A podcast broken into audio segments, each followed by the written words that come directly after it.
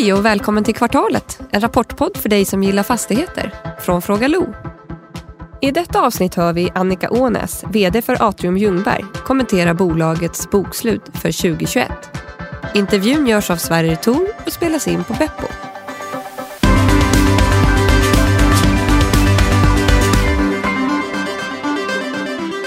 säger vi hej och välkomna igen till kvartalet och hej Annika Ånes och välkommen tillbaka. Tack så mycket. Hur står det till? Alltså det är ju så jäkla bra. Härligt. Nu, nu får man bra energi här. ja, men vi släppte ju rapport igår. Vi hade kapitalmarknadsdag och på vägen hit så fick jag så här lyckorus som man kan få ibland. Så bara solen skiner, bra musik i bilen, det är fredag. Jag ska träffa Sverrir också. Ja, ja absolut. Skönt.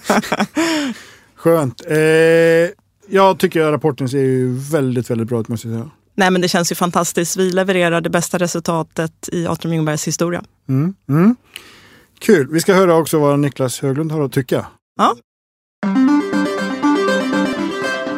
Ja, då har vi snabbanalysen av Atrium Ljungberg. Och Atrium redovisade en riktigt stark rapport med både förvaltningsresultat och utdelning över förväntan då, enligt Dagens Industri.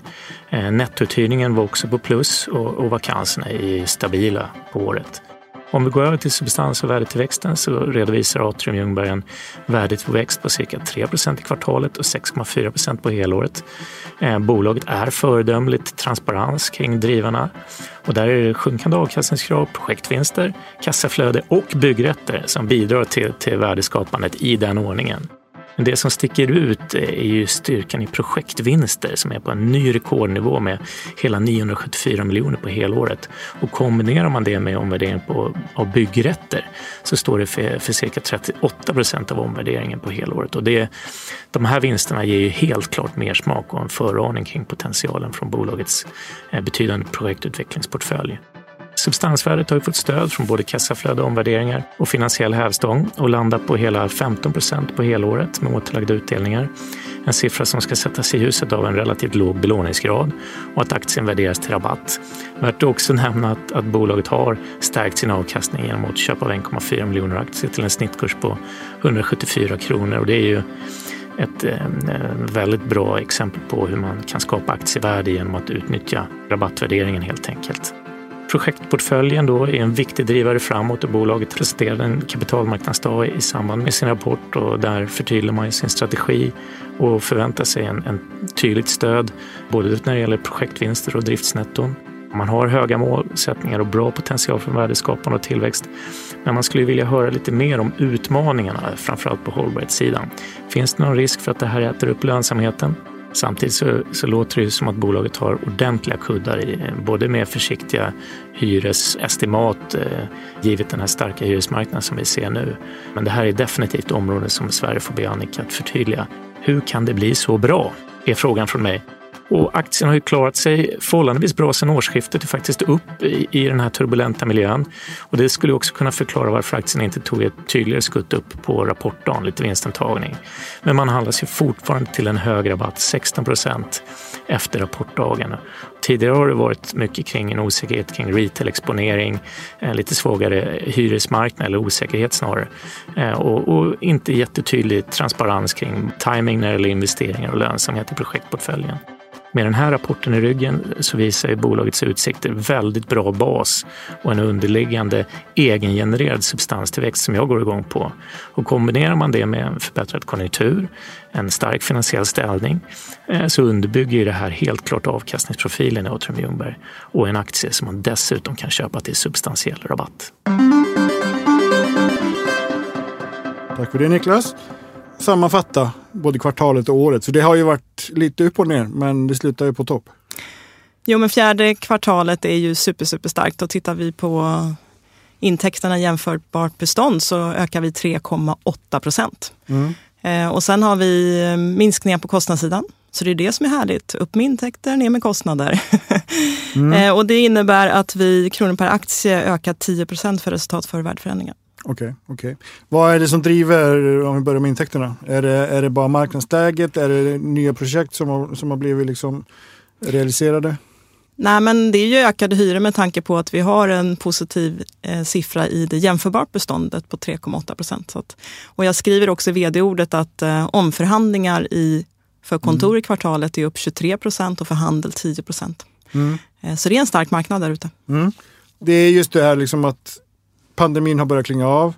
Vi har ju fortfarande en väldigt stark eh, ekonomi. Hur, hur påverkas ni av, av inflation och, och jag tänkte egentligen ska komma in på det här med räntor, hö, högre räntor lite senare. Men, men just att inflationen börjar göra sig lite bemärkt igen. Ja, men det är klart att inflationen har ju, tickar ju upp på hyresnivåerna. Mm. Samtidigt så på räntesidan så har vi både en lång räntebindning och kapitalbindning. Så vi är ju inte lika räntekänsliga som många andra bolag. Okej, Så för egen del så är jag inte orolig för räntesidan faktiskt. okej. Sen ska man också ha med sig att, att det yield gapet vi har mellan direktavkastningen på fastigheter och räntan är ju historiskt stort. Mm. Så att även där, även om räntorna kommer upp lite grann så är det, tror jag att fastighetsbranschen kommer se fortsatt en god omsättning på transaktionssidan och att vi kommer kunna hålla uppe nivåerna. Mm. Så du tror inte att, att yielden kommer att börja stiga igen bara som en, för att hålla yieldgapet utan man, det finns en buffert så att säga? Det kan finnas viss risk just inom bostadssegmentet för där har ju yielderna krypit ner riktigt, riktigt lågt. Men tittar man på kontor och framförallt handel som börjar också bli lite mer intressant nu så, så tror jag att förutsättningarna är väldigt goda. Mm. Anledningen till att jag vill prata om räntor det är att det finns en, en post i, i resultaträkningen som jag reagerade på. Det är just finansiella kostnader som stiger från 45 till 63 ja, miljoner för kvartalet. Mm. Och då är frågan, vad händer där? Mm. Nej, men det är ju så att vi för varje kvartal så allokerar vi viss ränte, räntor till eh, projekten. Så det där kan variera lite över tid beroende på vilken fas man är i projekten. Okej, okej. Bra, det var det. Ni har som sagt, ni gör en, en, en väldigt stark rapport. Det har varit och det har ju varit runt det känns det som att marknaden är lite, jag ska inte säga skeptisk, men, men den, är, den är väldigt eh, schizofren när det gäller Atrium Ljungberg. Mm. Eh, ibland är det liksom, ja, allt är bara misär och ibland så är det liksom lycka. Höll jag på att säga. Och det är inte hos er utan hos, hos liksom investerare och, och analytiker. Känns det som att det börjar finnas någon form av konsensus eller, nu ska du inte recensera eh, analytikerna såklart, men du får ge dem en känga om du vill. Nej, men för oss har det varit viktigt att vi har fokuserat på vår strategi. Det har Mm. handlat om att förändra portföljen och exekvera på våra projekt. Medan andra kanske har mer jobbat utifrån att um, fusionera sig med andra bolag och så vidare. Eh, nu hade vi en kapitalmarknadsdag igår där vi blir mycket mer tydliga utifrån vad vi tänker oss kring vår projektportfölj framåt. Och det har fått väldigt, väldigt positiv respons hos analytikerna. Eh, Så jag tycker nästan varenda analytikers rapport nu så står det buy för att man har fått en annan förståelse för potentialen i vår projektportfölj. Mm. Och det, det ser man ju på börsen också. Aktien har ju stigit två dagar i rad i alla fall och, och det är ju inte jättepositivt idag och i övrigt vad det hade, sett. Men, men det börjar gå bra. Ja, vi lyfte fram en miljard i projektvinst eh, föregående år, då, 2021. Mm. Eh, Och vi kommunicerade också på kapitalmarknaden att utifrån de projekten som vi har beslutade nu eh, så kommer vi ha projektvinster vi ska plocka fram, givet att marknaden ser likadan ut, på 1,8 miljarder. Mm. Mm. Eh, Så det är klart att det händer grejer nu när vi är inne i en, en positiv fas i projekten. Mm. Och det handlar ju väldigt mycket om pro, projekt i, i Atrium. Det är ju Sickla, Nobelberget, som verkar vara ett evighetsprojekt. men, men vad har vi sagt, 2040 något sånt? Har jag frågat och du, du gav ingen kommentar på det tror jag. Nej, men här var vi ju betydligt mer tydliga på vår kapitalmarknadsdag där vi säger att vi ska investera 30 miljarder fram till 2030 och en projektvinst på 10 miljarder. Och det innebär att vi givet dagens marknadsförutsättningar ska dubbla vårt fastighetsvärde och driftnetto. Eh, Det känns ju otroligt peppande och det är ju uttryckt att Atrium Ljungberg ska göra en double-double.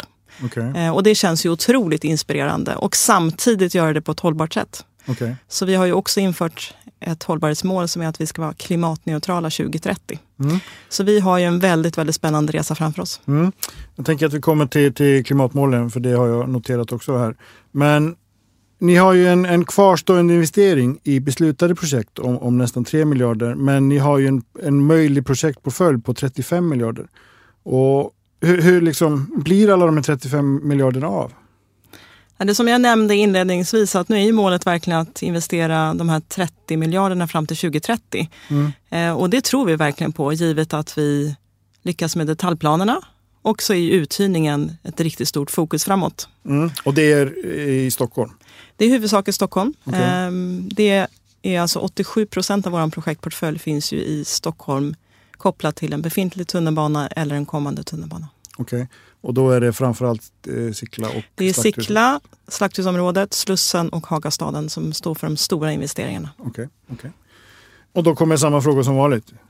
Och den har vi ju bråkat om nästan i, i, i olika poddar. Just det, alltså resurserna för att, för att klara de här, det är ju otroligt ambitiösa och häftiga mål. Mm. Men det, det, är ju som klimatmålen, det, det, det, det tarvar en del resurser att nå, nå dit. Jo, men det här är ju ingen nyhet för oss. Vi har jobbat med det här målet i sikte under lång tid och vi har byggt vår organisation för att vi ska klara det här. Mm. Eh, vi har ett väldigt starkt arbetsgivarvarumärke. Vi har en fantastiskt spännande projektportfölj och det tillsammans gör att vi har väldigt lätt att rekrytera duktiga medarbetare. Det har vi gjort över tid nu så att vi har, jag känner mig väldigt konfident i att organisationen är satt. Sen kommer vi behöva säkert rekrytera fler medarbetare. Men när grundstrukturen finns där så då känner jag mig trygg. Mm. Bra. Uthyrning är ju någonting som du faktiskt lyfter eh, med ganska stor emfas tycker jag i, i vd-ordet. Att allting handlar om, i slutändan om uthyrning. Ja. Eh, ni har en bra nettouthyrning, ja. eh, både på kvartalet och, och helåret blir summan också. Det är också någonting som har ju varit sådär lite, folk har varit lite ambivalenta kring ibland. Mm.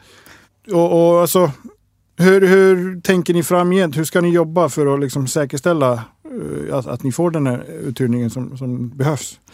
Jag kan börja med att kommentera då på att nettouthyrningen tidigare inte har sett fantastiskt ut. Men det är också beroende på att vi har planerat för kommande projekt. Och det gör att vi har behövt att säga upp många hyresgäster för att kunna genomföra projekten. Mm. Så rensar man för det så ser det inte så tokigt ut. Mm. Sen hade vi i och för sig 6 000 kvadratmeter för, i Hagastaden i början av året där Region Stockholm sa upp. Så det är klart att det var en stor, en stor del. Men, men framåt så måste fokus vara väldigt, väldigt tydligt på uthyrning som du säger. Ehm, ska vi klara av vår projektportfölj så är det ju faktiskt ungefär 500 000 kvadratmeter nya ytor som vi ska hyra ut. Mm. Det ska genomföras då under nio års tid så att eh, varje år så är det många kvadratmeter. Det gör att vi har organiserat oss på ett litet nytt sätt och där vi har också rekryterat personer som jobbar utifrån det mer långsiktiga perspektivet. Så vi har en, ett team som jobbar mer här och nu med de vakanserna som finns. Och så har vi tre personer som endast jobbar med de här långsiktiga projekten och hittar kunder som inte ännu riktigt har förstått att de ska sitta i Sickla eller i Slakthusområdet till exempel. Mm, mm. För det är ju, om jag tolkar det så försöker ni på något sätt ändå eliminera spekulationselementet.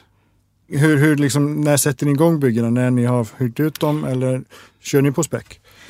I grunden har vi en filosofi som vill att vi ska ha ungefär 50 procent uthyrt när vi sätter fart. Eh, samtidigt så har vi nu Sickla stationshus som vi har ett beslutat projekt och där har vi ingen uthyrning.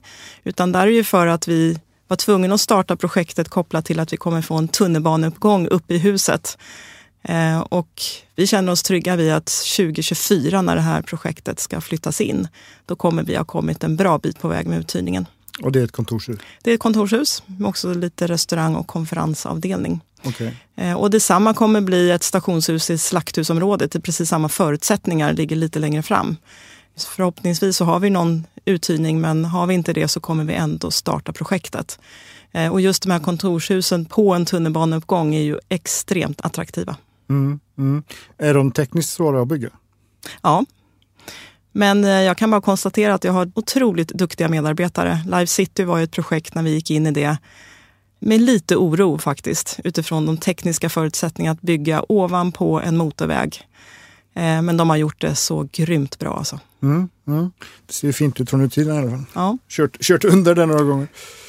Men eh, Sickla stationshus ska ju vara, det ska ju vara ett nytt landmärke, eller hur? 23 våningar. Det stämmer. Det kommer ses från många håll, eller synas från många håll. Ja, detaljplanen blev ju klar nu här precis eh, innan jul, vilket känns jätteroligt. Hur stor investering är det? Det är nästan en miljard. Så då har vi bara 29 kvar. Bra. Eh, hållbarhetsmålen. Mm. Eh, de är ju också tuffa. Eh, ni ska bygga, eller projektarbetet ska, och by, byggarbetet ska vara klimatneutralt 2030.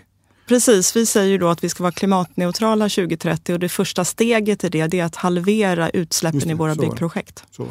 Eh, Man kan dela in våra nya mål i fyra kategorier. Så det handlar om klimat, leverantörer, hållbara medarbetare och socialt hållbara platser. Mm. Så även den sociala aspekten har vi med nu. Okej. Och just i dagarna nu så lanserar vi faktiskt Nordens första hållbarhetslänkade obligation, vilket är superspännande. Okej. Och då kopplar man då finansieringen till sina hållbarhetsmål. Eh, Och når man inte dem, då kommer man få betala lite extra i räntekostnad. Okej. Och det gör att det blir väldigt, väldigt tydligt vilken ambitionsnivå man har som bolag. Och är det hela ESG-spektret då? Det stämmer. Okej, okej. Ni har också tagit fram ett, ett index som ni kallar Vår stad-index. Mm. Det tror jag inte vi har pratat om förut, för det tror jag att det är ganska nytt va? Det är nytt. Ja. Mm. Berätta mer om det. Nej, men det är just ehm, att verkligen fokusera på den sociala hållbarheten. Och där har vi byggt ett index så att vi ska utifrån våra områden kunna mäta att den sociala hållbarheten fungerar. Mm. Och då handlar det bland annat om trygghetsfrågor, men det finns en, en massa parametrar då som vi kommer att mäta. Eh, och återigen då, så utifrån vår vision Alla vill leva i vår stad, så känns det ju helt rätt i tiden att engagera sig i de här viktiga frågorna. Mm. Mm. Bra. En sak som jag har noterat är ju också, det i första, första stycket i vd-ordet så nämner ni ju värdeförändringarna. Ja. Det är ju någonting som eh, sticker ut lite också. 3 miljarder på, Mm. på helåret. Mm. Alltså, det har ju varit en otrolig efterfrågan till fastigheter under, under förra året. Ja. 400 miljarder i, i transaktionsvolymer och, och varav nästan hälften var bara under sista kvartalet. Mm. Hur, hur hållbara är yieldnivåerna utifrån det? Känner du liksom som, för det påverkar ju ändå ett slu, ett slutresultat, det påverkar bilden av bolaget. Så att säga. Så jag antar att det är någonting du har funderat på. Ja, Jag var ju lite inne på det i början av podden här att, att yieldgapet är ju Mm. historiskt stort, eh, framförallt på kontor och handelsplatser. Så att jag känner mig inte så orolig för den här framtida ränteutvecklingen. Mm. Däremot på bostadssidan har det ju krypit ner extremt lågt. Där direktavkastning blir väldigt låg med hyren som ligger väldigt, väldigt högt. Och Mm. där kan man ju fundera på hur långsiktigt det blir. Mm. Å andra sidan har ju säkert de bolag som har köpt de här har ju låst in en ränta kanske under tio år så att man klarar sig väldigt bra under en överskådlig framtid. Om jag omformulerar då, för det är som du nämner också i det vd-ordet, alltså räntorna är ju mycket mer volatila än, än, än vad till exempel Riksbanken kan påverka och så vidare. Ser du någon risk för att det blir någon form av chock på marknaden närmaste året? Nej, ingen chock. Alltså det är redan inprisat i marknaden nu att räntorna är på, på väg något uppåt. Eh, och eh, nu var ju riksbankschefen ute här och säger att alla hushållen borde sätta sig ner vid skrivbordet eller köksbordet och räkna. Mm. Men jag tror inte att det blir någon chock, nej. Eh, men alla bör ju ha lite, kika lite på räntan så att man har kontroll på den. Men återigen, med den räntebindning och kapitalbindning vi har så kommer det inte slå in väldigt, så där väldigt snabbt i vår resultaträkning. Okej. Och vi har ju en väldigt låg belåning, den ligger ju under 40 procent nu och vi är ett väldigt finansiellt stabilt bolag. Mm. Kommer den ligga där? För det är ju, jag tänker, det är som sagt mycket, ni ska ju projektera rätt mycket. Kan ni använda eh, balansräkningen på det sättet att ni, ni lånar upp en del eller? Alltså snitträntan kommer på sikt öka något, det tror vi ju, men det är inga drastiska förändringar. Mm. Jag minns inte om jag har frågat dig specifikt, men jag har frågat i, i några avsnitt av tidigare säsonger just det här med belåningsgraderna. För den är ju ganska intressant. Alltså när jag kom in i branschen för tio år sedan, då låg de ju ja, eh, något mycket högre än, än vad de gör idag eh, generellt. Det var ju, vissa var ju på 70 procent. Medan andra var på väg liksom under 60. Mm. Nu, nu är ju 40 kanske, kanske det lägsta kanten, men 45 är ju inte så ovanligt. Nej. Tror du att vi kommer få se de här belåningsskadorna som vi har haft tidigare igen? Det är väldigt svårt att svara på. Du kommer inte se det i Atrium Ljungbergs historia med tanke på att vi är ett ratat bolag och vi har ju en BA2 investment grade rating som vi tycker är jätteviktig och då ska vi vara under 45 procent. Så våran, vi kommer vårda vår balansräkning väldigt nogsamt eh, och har ju naturligtvis simulerat väldigt tydligt på om vi gör nu den här stora projektinvesteringen framåt, då ska vi också kunna hålla vår belåningsgrad. Och det är ju jätteviktigt. Mm. En, en, en följdfråga på det som jag också noterat. Alltså, ni, ni utvecklar ju stora, stora områden. Finns det någonstans en, en, liksom en bild av att när vi är klara behöver vi avyttra något av det här just för att finansiera fortsatt tillväxt? Nej, men har vi en god underliggande tillväxt också i vårt jämförbara bestånd, då ska vi klara belåningsgraden långsiktigt okay. utan att sälja. Sen är det möjligt att vi ändå, eller ett uppdrag är ju ständigt att se över portföljen så att någon ytterligare portföljförflyttning kanske kommer innebära. Men det är ingenting som vi har fattat beslut om just nu. Okej, okay, okay, Och ta in eget kapital, ja, det, det är kanske en ägarfråga längre fram men, men, det är ingenting du ser som, som att något kommer hända. På, inte, inte imorgon i alla fall. Inte om vi exekverar projektportföljer, men om vi på toppen också vill förvärva, då måste vi hitta andra möjligheter. Å andra sidan har vi återköpt aktier man skulle kunna nyttja om nu substansvärdet ser korrekt ut i förhållande till en, en värdering på börsen. Det rör sig i rätt riktning i alla fall. Absolut. Hörru du, jag tänkte avslutningsvis så, så kommer du få svara på en fråga om utdelning som alla andra. Men innan dess så tänkte jag, jag gillar den här sista, sista passusen också i vd-ordet. Nu, nu öppnar ju samhället upp igen. Vi, vi, kan börja ses igen och mötas på ett helt annat sätt. Och jag antar att det är jätteviktigt för er, speciellt er som, som bygger, liksom, ja, men bygger kring, kring flöden av människor. Ja men självklart. Eh, vi människor är ju sociala människor och varelser. Eh, och vi gjorde ju en insiktsstudie här under pandemin som visar på att, att bolagen ser ju väldigt tydligt att det handlar inte bara om att ha ett kontor som är anpassat till sin verksamhet utan också att man hamnar i ett sammanhang. Man tittar utanför sin egen dörr och, där, och det blir ju än mer viktigt för de här unga talangerna för att kunna attrahera dem till en arbetsplats. Mm. Man är ute efter den här viben och det tycker jag vi är duktiga på att skapa. Okej, okay, okay.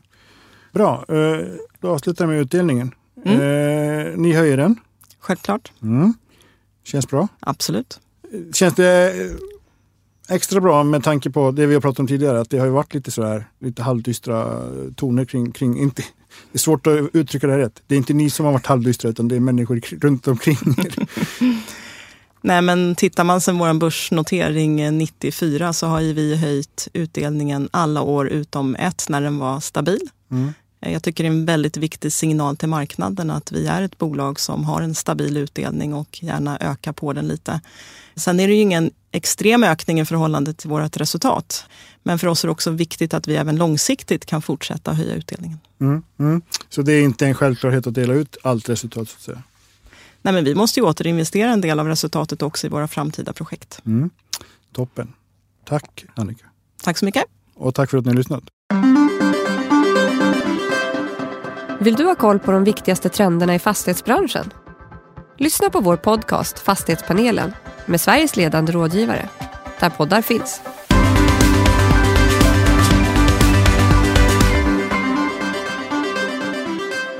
Det här programmet görs på Beppo. Beppo.